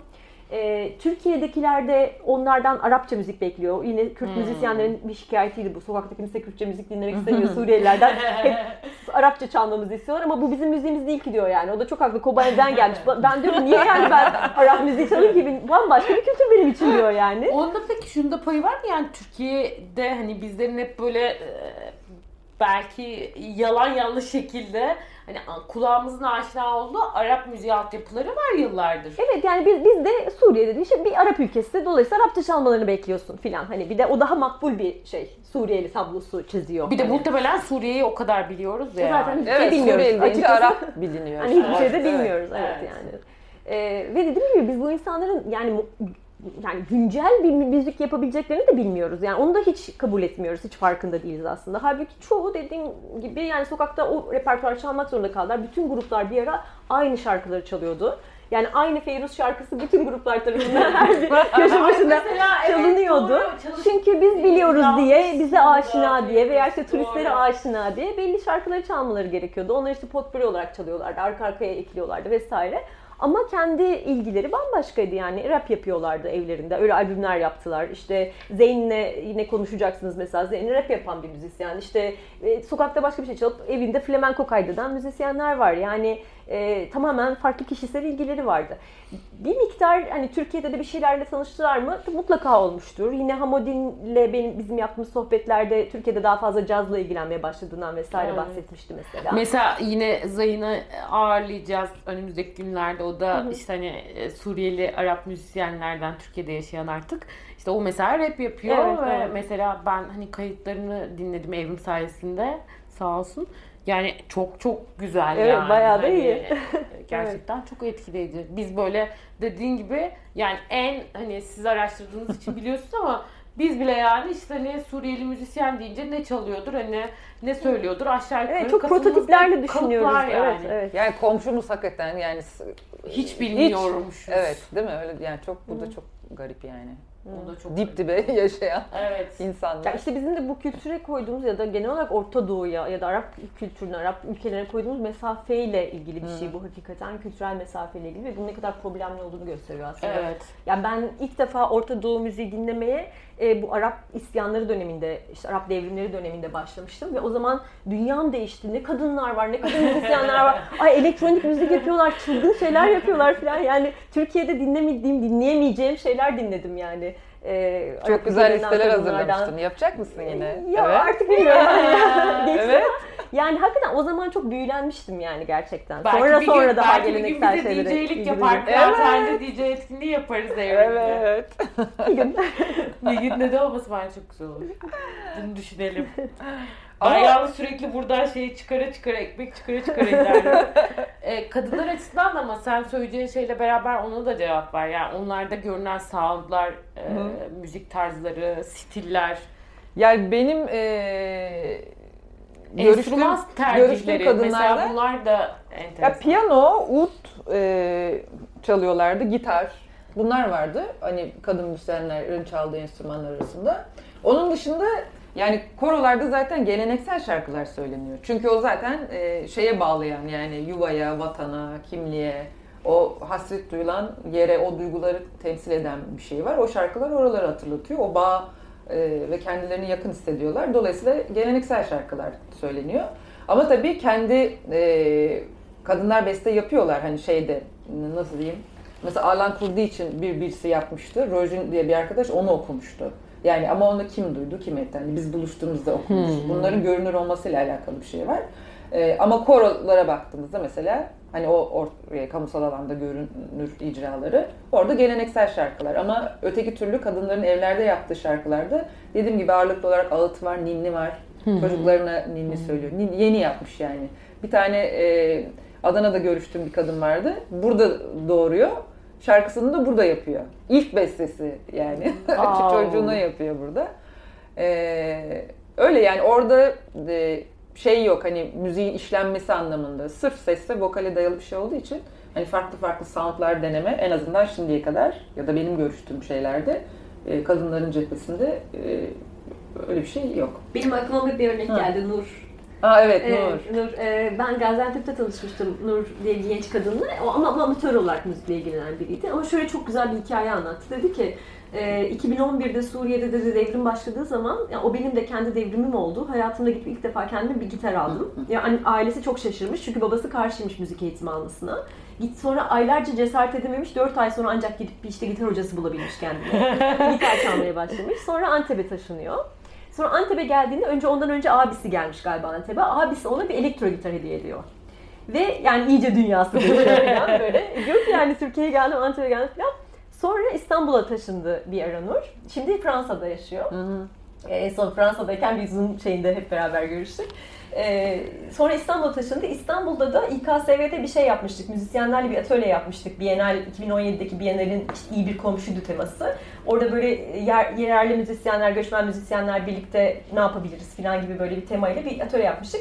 Nur orada ilk defa sahnede elektro gitar çaldı. Oo. Evet, birinin başka birinin gitarını alıp böyle sahneye ilk defa çıkmıştı ve böyle şey demişti yani, yani böyle benim için çok önemli bir an bu an falan diye anlatmıştı. Ee, yani dolayısıyla ben şey düşünüyorum yani mutlaka dönüşüyor. Hani zaten göç deneyimi kadınları çok dönüştürüyor. Ee, yani çünkü böyle işte para kazanmaya başlıyorlar, evin ekmek getireni olmaya başlıyorlar. Bir takım araştırmalar şeyi gösteriyor mesela. Ben hayatta bundan sonra Suriye'ye dönmem çünkü burada artık bir takım ayrıcalıklar kazandım diyebilen kadınlar var. Yani e, evdeki pozisyonları da, aile içindeki Değişiyor. pozisyonları da değişebiliyor. Yani böyle çok romantize etmemek lazım bunu ama Hani göç o kadar alt üst eden bir süreç ki hani toplumsal cinsiyet normlarında da bazı şeyleri etkileyebiliyor. Ee, dolayısıyla Aslında ben bekliyorum söylediğin- bir dönüşüm. yani. Evet. Hani- Müzik müzik de orada şöyle Doğru. hakikaten yani müzik üzerinden de e, şey oluyor. Dönüşüm oluyor ve ilk defa ilişki kuran kadın da var. Şimdi sound olarak konuşamıyoruz ama böyle şeyler evet var. Mesela Kobani'den gelen bir genç kadın vardı. Hiç müzisyen olmakla alakalı kafasında hiçbir şey yok. Çünkü zaten orada öyle bir şey görmüyor. Geleneksel müzikler var, dengbejler var. Öyle bir gelecek ve bir şey yok yani gündelik hayatında şey anlamında. Ben de çalarım ya da müzisyen olayım gibi. Ama buraya Diyarbakır'a geldikten sonra bir karşılaşıyor müzikle ve şu anda ben Kürtçe kendi dilimde düzenlemeler, aranjör olmak istiyorum. Ha, aranjör olmak, iyi bir aranjör, olma, aranjör olmak istiyorum diyor. Santur falan öğreniyor bayağı kaç yıldır burada. Yani şimdi sound'u bu gençler kuracak. Evet. Evet. yani kadınlar cephesinde biraz öyle bir yer. İ- Nereden nereye düşünsene yani. Şimdi dünyası değişmiş durumda. Diş doktoru ne olmak istiyormuş? Diş doktoru gibi oldu. Özür, dilerim diş doktorları. Deseydin aranjörler daha iyi kazanıyor Türkiye'de haberi de olsun şimdiden. Doğru yatırımı olacaktır. Bekliyoruz Peki konulardan bahsedersek yani tamam kuşkusuz göç, savaş, acı. Ama yani mesela e, aşk anlatıyor mu şarkıları? İşte ne bileyim ya da daha eğlenceli şeyler. e, öfke anlatıyor mu? Kadınların da özellikle. Tabii Çünkü altlarda hepsi var. aslında yani yine e, Evrim'in e, çalışmasıyla beraber yazdığı bir yazıda hani çok önemli bir vurgu bence o da aslında sizin her ikinizin aktarma biçimi de şu ana kadar öyle gelişti. Yani böyle sürekli göçmen dediğimiz insanı işte mağdur, e, pasif, edilgen e, hep böyle tanımladığımız e, yani anlamayı da buradan kurduğumuz e, ve bunun bazen de aslında haksızlık ettiğimiz e, bir şeye de e, ilişkilenmeye de dönüşüyor. O bakımdan da soruyorum bunu. Yani şarkı sözlerinde ne bileyim isyan, e, öfke, hesap sorma ihtiyacı. Ya mesela böyle şeylere rastlıyor muyuz? Yani olmayabilir bu arada yoktur belki gerçekten ama sadece merak Özellikle ediyorum. rap yapan gençlerde ben buna rastlıyorum. Hani o müziğin belki karakteri de buna daha uygun. Bir, şimdi birkaç arkadaşım düşünüyorum. Onların şarkı sözlerinde tabii e, yani bana çevrildik çevirdikleri kadarıyla falan e, buna rastlayabiliyoruz gerçekten. E, onun dışında e, sokak müziği veya restoranlarda, kafelerde yapılan müzikte daha fazla daha böyle eğlenceli bir E, repertuar biraz daha ediliyor ticari tabii. de E, o ihtiyaç öyle bir şey çünkü. Yani neşeli şeyler çalmak. Hatta ilk zamanlarda e, konuşmuşuzdur Selda. Biz yıllardır o kadar çok çalıştık ki yani böyle her şey birbirimizle konuşuyoruz. E, şey e, bu Maltini çalarken hani böyle işte sadece Maltini diye böyle bir vatanım diye bir şarkı vardı. İşte sonra da Suriye muhalefetinin falan bir böyle sembolüne dönüştü. Çok eski bir şarkı aslında. E, onu çalarken böyle falan çok hüzünleniyorlar ve sokak performanslarında konserlerde mutlaka çalıyordu ama Mavtini dışında da başka hüzünlü pek bir şey çalınmıyordu mesela. Yani o bir tür böyle semboldü ama onun dışında hep böyle canlı neşeli şarkılar çalınıyordu filan. Daha hani pop şeyde ekonomik alanda değil ki. Ee, ama kesinlikle rap şeyin içinde çok daha böyle progresif diyebileceğimiz eleştirel filan sözleri ben rastladım. Ee, repertuarın içinde rastladım. Yani şeyi biliyoruz işte yeni müzikler yapılırken sen de onu yazmıştın. Ee, ninnilerin mesela ilahilerin yani Hmm. yeni yeni Aa, evet. yeni sözler ninilerde de o var. Ee, ağıtlar zaten hani baş- baştan sona öyle de ee, Evet mesela Irak'taki göçmenlerin, e, Iraklı Keldani Hı hı. göçmenlerin yeni yazdıkları Irak için yazılmış ağıtlar vardı mesela. Yani bugün ya da o günkü durumu için ülkenin yazılmış ağıtlar vardı mesela. Evet. Evet benim görüştüğüm şey de e, korodan e, genç kadın da şey demişti. Musul işitten kurtulunca e, bir ninniyi onların da tanıdığı akrabalarıymış. Birisi şey yapıyor. E, o sevinci anlatıyor yani. O kurtulmanın Ha. mutluluğuna sözleri öyle değiştirmiş. Ezgi Aynıymış. Böyle yapılan çok tabii şeyler var. Kendi aa işte E- hissini de anlatma Aynen, aracı aynen. olarak. Peki kadınlar açısından başka dikkat çeken şey var mı? Yani ağıtlar içinde evet var ama zaten söz olarak ben mesela e, araştırmamda ve yaklaşımda öyle bakmıyorum. Sadece sözde değil de Hı hı. e, bedeni, ifadesi, metin evet analizi öyle. Onun dışında o yani e, ağıtı o vok- icra ederken kullandığı vokal tekniklerinden, bedeninden, jestinden her şeyine kadar e, bunun bir ifade aracı olduğunu söylüyorum. O yüzden sadece sözler değil. Sözler hani tek başına aldığında şey bile olsa sen o performansı aslında gördüğünde elini böyle böyle Başka kaldırıp şey daha ve hani o vibrasyonlar gırtlaktaki ya da işte böyle peş peşe sayılır ya hızlı hızlı okunur. Dengecilik geleneğinde vardır yani onlar. O kadar etkileyici bir şey çıkıyor ki e, o dolayısıyla zaten öfke, isyan Evet. ama zaten de içerik olarak da hani öyle hakikaten. Yani IŞİD'in Bir ağıtta da buna e, rastlayabiliyor musun? Tabii Mesela tabii. bir Hepsinin, hepsinde var öyle. Çünkü hakikaten savaş hani bu derdi başlarına kim getirdiyse evlerinden oluyorlar, e, yakınlarını kaybediyorlar. Bütün gelecek yani e, geçmişlerini aslında Evet. e, yok eden bir şey. Hani Bir yandan da bir kimlik bırakıp başka yeniden bir kimlik oluşturuyorlar aslında. Evet. Yani bunların hepsine dolayısıyla isyan ediyor. Beddua okuyor. Gelenekte de o vardır ya, ağıtlarda o var. Yani işi de beddua okunuyor çünkü ezdi kadınlara şunları şunları yaptı. Ee, ve savaşta gençlerimiz öldü diye. Ee, hepsinde tabii ki bunlar var. Çok güçlü bir şekilde var yani. Ben de Selda'yı Ama form olarak böyle. tabii Selda'yı de övmüş olacağım ama yani bunu yapmak zorunda hissediyorum. Gerçekten bence Selda'nın çalışmasındaki şey çok önemli. Yani biz hep böyle işte metin üzerinden düşünüyoruz müziği Hı. veya işte böyle müzikal analizi falan hani hesaba katmaya çalışıyor. Öyle değil. Yani icranın kendisinin duygularla muazzam bir ilişkisi var. Onu nasıl analiz edebiliriz de dair bir e, yöntem önerdi aslında Serdar Evet. tezinde. O Ee, gerçekten yüzden başta onu söyledim yani ses üzerinden çünkü bana da yani en enteresan o geldi. Yani ses, sesin tavrı, icra e, stilleri üzerine bir araştırma yapmak mesela hakikaten. Çünkü onların hani hepsinin birbiriyle bağlantılı olduğunu, birbirlerini tetiklediğini ve yeni e, duyuş, algılayış şeylerin hep o etkileşimden çıktığını hani e, düşünerek. Yani sadece ses değil yani. Ben elimi böyle kaldırınca sesim başka çıkıyor çünkü. Yani o ilişkileri kurarak hani ben şey önermeye çalıştım. E, dolayısıyla da sadece hani sözlere bakmıyoruz artık. Burada isyan Peki çok ediyor diye. şaşırtan e, ne var bu anlamda izlenimlerin arasında? Hani bu söylüyoruz ya yani hepimizin var. Biz politik olarak daha e, hani işte o ne bileyim nefretten azade bakan, daha işte yani hayatı başka bir yerden yorumlayan insanlar olarak onlarla daha kolay iletişim kurabildiğimizi düşünüyoruz göçmenlerle, göçmen komşularımızla, arkadaşlarımızla işte yolda otobüste yan yana oturduğumuz insanla. Neyse kadın müzisyenle e, organik olarak bu hayatı onlarla paylaşıyoruz artık ve böyle devam edecek yani. E, ama yani hani yine de bizim de kafamızda kalıplar var işte az önce söylediği yani anlattığınız şeylerin hepsi aslında bunlara dair. Yani aslında hani kadınlar üzerinde değil ama şundan bahsedebilirim. Yani ben kendi te- yani çalışmamı yaparken de sonra üzerine düşünüp yazmaya çalışırken de şeyi fark ettim. Yani ne kadar farklı pozisyonlar var ve ne kadar genellenemez pozisyonlar var aslında. Doğru. Ve mesela hep onu öne çıkarmaya çalıştım. Hep oradaki çatışmalı fikirleri öne çıkarmaya çalıştım. Çünkü çok böyle genel kabullerle yazılıyor bazı şeyler. Yani işte müzisyenler şunu yapıyor, sokak müzisyenleri bunu yapıyor, şu şunu yapıyor, bunu yani ama aslında ifadeleri çok farklılaşabiliyor. Anlattıkları hikayeler çok birbirinden farklı olabiliyor aynı şeye dair ya da hisleri farklı olabiliyor. Yani mutlaka bütün müzisyenler şunu yapmak ister, bunu yapmak ister gibi bir şey yok. Tabii. Biraz o farklı pozisyonları, farklı E, tabii onları da böyle yani kişisel görmek değil de yine böyle bir şemaları, onların arkasındaki şemaları görebilmek ama birden fark, fazla pozisyon olabileceğini görmeye çalışmak ve bunu göstermeye çalışmak bence önemli. İkinci olarak da benim en şaşırdığım ve böyle kendi yani yüzme tokat gibi böyle çarpan şeylerden bir tanesi mesela şuydu. İlk başladığımda Suriyeli müzisyenlerle çalışmaya işte sokakta böyle kalabalık gruplar çalıyor, bir sürü insan etrafında toplanmış, herkes alkışlıyor, videoları çekiyor, herkes çok eğleniyor. Ve ben böyle şey diye düşünüyordum yani Aa bu müzik sayesinde iletişim kuruluyor. Böyle işte lokallerle göçmenler arasında. İşte daha birkaç senedir buradalar ama böyle bir şey kuruyorlar. E, kanal bağ. açıyorlar, bağ kuruyorlar. İnsanlar işte onları daha böyle olumlu karşılıyor filan. Ne kadar olumlu bir etkisi var falan. Ben romantize etmişim kafamda yani.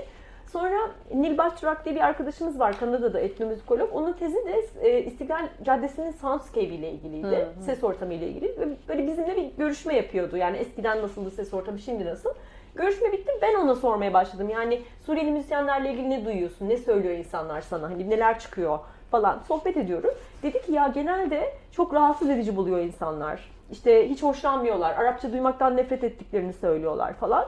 Böyle birden dünyam değişti yani. Hmm. Aa filan yani olabilir çünkü ben tabii o müzisyenlerin etrafında durup alkışlayanların arasındayım. Hmm. Orada durduğun sürece sadece onları görüyorsun. Halbuki orada onu yapmadan gelip geçen belki bak yüzlerine bile bakmayan, belki Biraz varlıklarından rahatsız olan, belki söylenen onlarca yüzlerce insan var aslında evet. aynı anda. Yani dolayısıyla senin e, nereden baktığına göre gördüğün şeyler kısıtlanabiliyor. İşte en başta dönecek olursak evet. hani sadece senin gördüklerinle sınırlanabiliyor. O yüzden mümkün olduğu kadar geniş ve ya da farklı yerlere de bakmak, e, perspektiflerden de bakmaya çalışmak lazım. Sonra sonra şeyi sormaya başladım müzisyenlere. E, olumsuz tepkiler de alıyor hmm. musunuz? Ve bu çok daha zor çıktı. Çünkü onlar hep iyi şeyleri anlatmak hmm. istiyorlar.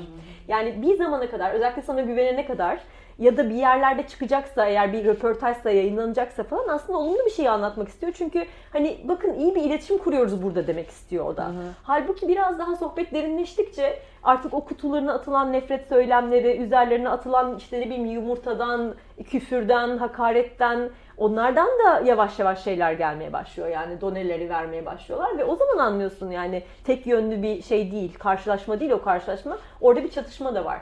Ondan sonra da şey kafa yormaya başladım. O çatışmayı nasıl işte yönlendiriyorlar. Repertuar seçimi de onun bir parçası. Ee, kalabalığın ne zaman toplanıp ne zaman dağıtılacağını planlıyorlar. Yani o kadar dikkat ediyorlar ki her şeye. Hı hı. E, bu ekonomik açıdan da dikkat etmeleri gereken bir şey ama güvenlikleri açısından da dikkat etmeleri gereken bir şey yani. Ne giyecekleri. İşte 15 Temmuz'dan sonra Türk bayraklı tişörtlerle çaldılar sokakta hı hı. mesela. Hani bütün bunlar aslında çok stratejik taktik kararlar yani. Bunları evet. almak zorundalar hangi köşede çalacakları, zabıtayla nasıl ilişki kuracakları vesaire.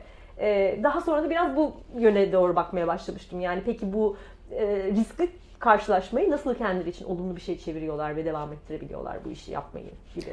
Egemen siyasete yaklaşımları da biraz bu yüzden e, aslında hayatta kalabilme motivasyonu üzerinden oluyor. Burada zaten zaten şeyden çok Kabul uzak duruyorlar. Yani si- siyaset mesela çok konuşmak istemedikleri, asla konuşmak istemedikleri bir şey oluyor.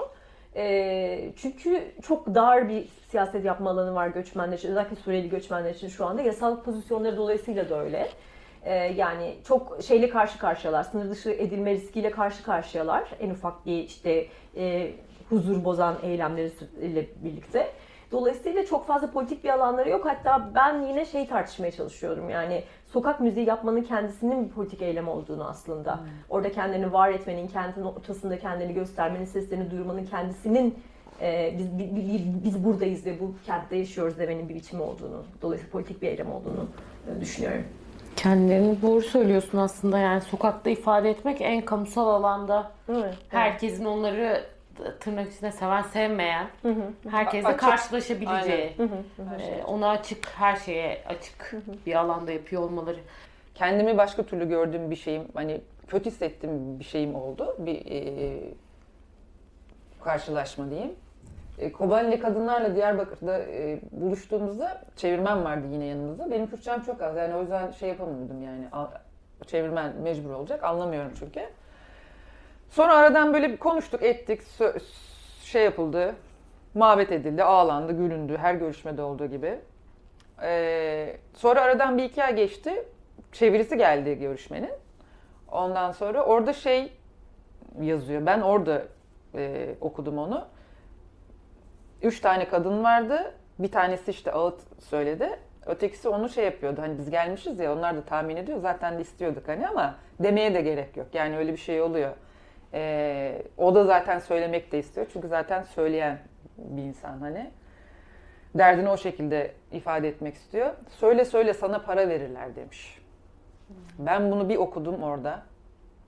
Başımdan aşağı kaynar sular döküldü. Demişim de hani konuştuk ya baştan beri. Müzisyenim işte kadınım, kültürü çok iyi çok iyi biliyorum denmez. İçindeyim yıllardır çalışıyorum. Ben de oralıyım falan. Bunların hepsinin getirdiği o şeyler ben birden boşluğa düştüm yani. Hani dili de biraz biliyorum falan filan. Hep böyle bir yakın yakın hani şey yaparken içindeyim yani. Ben bir araştırmacıyım ya. Ben aslında öyle bir şeyle gidiyordum. Havayla gidiyordum yani çalış şeye, sahaya diyeyim. Ondan sonra sonra bunu okuduğumda bu, bu şamar gibi yüzüme geldi yani. O benim mesela çok şey yapmıştı. En büyük şeyim budur yani bu araştırma. Evet. O yüzden hani hakikaten e, en başa hani dönersek e, bir araştırmacı olarak bu tarz araştırmalar yapmak yani savaş, göç, gerçekten hani travmatik ve şey hikayelerin olduğu e, bu görüşmeleri yapmak. Bunları evrim dedik ve başka türlü bir şeyin yok, aracın yok yani. İnsanla buluşacaksın, sohbet edeceksin. Öyle ilerleyeceksin. Zor.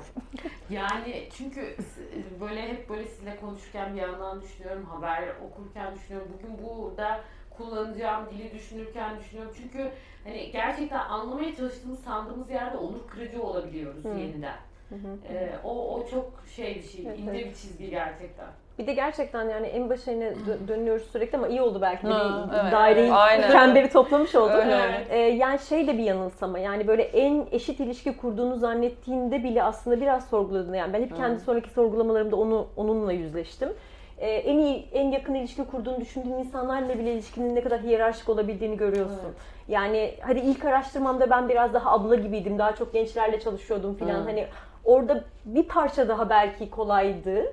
Ama e, yani mesela şimdi müzisyenlerle çalışırken müzisyen de olsam yani ne bileyim göç meselesini kendi benim, benimsediğim bir mesele olarak da görüyor olsam ne olursa olsun ben burada ayrıcalıkları olan ayrıcalıkları olan biriyim Tabii. yani. E, bütün bunlarla da bence şey yapmak lazım. Hakikaten Evet. yüzleşmek lazım. Ben de öyle bazı sorduğum soruların bazen aldığım cevaptan ne kadar saçma olduğunu falan. yani işte biz Amerika'da bir Iraklı e, bir göçmenle konuşuyordum. Böyle şey falan soruyorum işte. E, kasetler getirdiniz mi? Ne getirdiniz? Müzikleri falan. adam, ne kaseti ya dedi adam. da. Yani ben sınırdan kaçarak, yani kaçarak geçmişim dedi. Ne kaseti yani? Böyle yani sen senin böyle lay lay bir dünyan var. Sen ne konuşuyorsun yani? Söyle bildiğini zannediyorsun ama hiçbir şey bilmiyorsun yani. Gerçekten çok öyle utandığım anlar oldu ya da böyle sen de şey yapmak istiyorsun. Abi işte yani ortak dertlerimiz var demek istiyorsun bazen Hmm. ama senin dertlerini anlatsan o kadar saçma kalacak ki orada. Yani göstermek de ortak dertlerimiz yok. Yani kesinlikle var Yani ama ne olursa olsun ama çok yani aynı değil. Yani evet, aynı takım aynı şekilde vatandaş yaşamıyoruz. olmanın vesaire Tabii, bir takım tabii. ayrıcalıkları, avantajları var yani Tabii, hani. tabii. Em, hep şey bir tane Cem Erciyes'in sorusuydu. Ama emin değilim kimin olduğunu şimdi yanlış şey yapmak istemem ama şey vardı. Hiç göçmen arkadaşınız oldu mu ya da var mı gibi bir sorusu vardı. Bir yazısının Hı. başlığıydı. Bence o kadar güzel bir başlık ki. Yani Türkiye'de bizler için bile yani Hı. ben göçmenlerle çalışıyorum diyen insanlar için bile gerçekten arkadaş oluyor musun? Bu çok önemli. Yani Evet. insanların evine gidiyorsun da onlar da senin hayatına girebiliyor mu? Onlar da Tabii. senin evine geliyorlar mı? Hani bu ilişkiyi böyle kurabiliyorsan Senin sosyal ortamında e, mesela onun senin sosyal ortamında var olman aslında o eşitsizlik içinde çok olası. Değil mi? Ama onun senin sosyal ortamında var olabilmesi yani kendisi gibi olabilmesi ama. Evet. Hani Evet. misafir gibi değil, çekinerek değil, Evet. kısık sesle konuşarak değil, Evet. hani herkese alttan alarak değil, Evet. yanlış bir şey duyduğunda itiraz ederek de Evet. yer alabilmesi ne kadar mümkün biraz galiba orada Evet. Yani eşit ilişki ancak o Evet, zaman o mümkün zaman ve o yüzden mümkün. hani bunlar çok hakikaten karmaşık meseleler yani. Evet. Yani hem tezlerinizi okurken bugün burada konuşurken bunların hepsini yeniden e, hani ben de düşündüm umarım bizi izleyenler de e, onların da kafalarında bu ne bileyim küçük de olsa tartışmalara diyeyim. E, yol açmışızdır. Aslında amacımız da biraz buydu. E, amaç hasıl Evet. olduysa yavaş yavaş kapatayım diyorum. Evet. Tamam. Ee, yani evrimin aslında gene arada bir yerde söylediğin senin de sonrasında e, bir göz kırptığın bu şey meselesiyle ilgili belki son söyleyeceğiniz bir şey olabilir diye düşündüm. Hani hakikaten müzik ortamına özel bir yerde bırakalım diye de konuşmayı. Yani Türkiye'li müzisyenler e, gerçekten Suriyeli müzisyenlerle direkt bu, bu soruyu böyle bırakayım yani masaya. Ee, yan yana ne zaman gelecek, nasıl gelecek, ee, bu, bu bunun buna neden ihtiyacınız var? Buna dair böyle kısa kısa e, sizden alayım sonra veda edelim.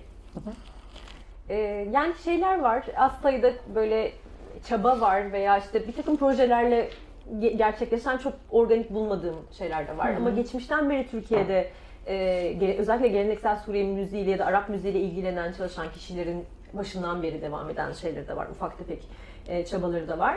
Ama bence bu bu ilişki bir gün kurulacaksa bu gerçekten yine Suriyeli müzisyenlerin kendi yaratıcılıkları ve kendi girişimcilikleri üzerinden olacak gibi geliyor. Yani Türkiye'lilerin e, bunu başaracağını düşünmüyorum ama hani Suriyeli müzisyenlerin biz Onlar buradayız. biz varız diye. Biz bu, çünkü şöyle düşünüyorum. Mesela şu anda gece kulüplerinde bile e, şey bile yani elektronik müzik anlamında bile mesela Arapça altyapılar falan kullanılmaya başlandı. Yani böyle bir, bir Arapça müzik alanı biraz daha giderek gün geçtikçe e, görünür hale gelmeye başlıyor. Ve bence onlar biz buradayız dedikçe ve Ürettikçe. özellikle güncel üretimlerini daha görünebilir yani daha fazla yapabilir ve görünebilir hale getirdikçe e, artık kimse onları görmezden gelemeyecek bence. Öyle gibi geliyor bana. Yani aslında sokakta şeyi gördük. Mesela e, ilk defa e, İstiklal Caddesi'nde dinlediği bir Arapça şarkıyı buralı sokak müzisyenleri de ezgilerini öğrenip çalmaya başladılar. E, ama e, şimdi konuştuğumuz şey tabii beraber üretmek ve daha hani daha fazlası, daha e, organik bir şekilde konser vermek olur, albüm olur, başka e, pratikler olur. E, Bilmiyorum olacak herhalde. Ben kendim mesela istiyorum hani şey yapmayı ama ben çekiniyorum mesela. Ee, aslında şimdi tanıyorum da mesela bir sürü Suriyeli müzisyen. Çünkü benim çalıştığım ve sevdiğim ve çalışmak istediğim bir alan. Ee, o da bilmiyorum benim kendime dair bir şey olabilir. Şu buradan çağrı yapayım. ben sizle ilişki kurmak ve çalışmak istiyorum. Bir üretim yapalım beraber. Hani müzisyen olarak yani. Ee, ama sanırım Emre'nin dediği e, gibi gelişecek gibi duruyor. Tam da bir önceki şey, konuşmasında dediği gibi. Çünkü ayrıcalıklı ve bir, po- bir pozisyonu olan buralı Türkiye'li müzisyenler var ama bir yere kendini göstermek durumunda kalanlar var. Herhalde o şekilde gidecek ama Bir de aslında burada galiba şöyle bir e, her birimiz belki de öz. Aslında ben bu seriyi planlarken e, başta Evrim olmak üzere e, sonra Selda da e, Evrim'in vasıta ben Selda'yı yıllardır tanıyorum ama ben müzisyen olarak sadece ve hani akademik çalışmasını ben Evrim vasıtasıyla öğrendim ve sonra yayına geldiğimizde de e, şu konuştuğumuz şeyle belki bağlayabilirim. Yani aslında e, bugüne kadar Türkiye'de yerleşik hale de gelmiş zaten göçmenler ve doğal olarak göçmen müzisyenler vardı. Göçle gelmiş müzisyenler diyelim artık onlar göçmen değil. İşte Afrikalı e, işte e, insanlar, İran'dan gelen e, vatandaşlar. E, şimdi mesela onlarla aslında çok uzun zamandır birlikte yaşıyoruz. Ee, ama biz mesela onların hikayelerini de müziklerini de hala çok az biliyoruz. Ee, bu arada bu seride e, Erik yer alacak Afrikalı müzisyen e, kendi e, geleneksel enstrümanlarını çalacaklar, müzik yapacaklar falan. Ee, yine İranlı e, Rastak e, adlı bir müzik Ha. grubundan e, Dina e, bu seride hem müzik yapacak hem kendi hikayesini anlatacak. Biraz e, oradan e, biz de aslında e, bu seriyi bunun üzerine kurmaya çalıştık. Hani biraz e, eskiden göç edip geldiğini o zaman göçmen denen e, ve artık zaten burada yaşıyor olan e, ama hani belki de bugüne kadar hikayelerini kimsenin yine de sormadığı, müziğini hala çok az bildiğimiz, dinlediğimiz e, insanlardan da e, onların hikayelerinden de bahsedip ama işte bugün tam canlı canlı ortasında olduğumuz, hala devam eden bir göçün ve kalıcılaşan e, bir birlikte yaşama e, şeyinin, sürecinin ortasında da işte Suriyeli müzisyenleri ağırlayacağız. Bu seri öyle devam edecek. Çok teşekkür ederim. Ee, gene pek çok soruyla e, bıraktınız ve çok güzel e, sorgulamalarla.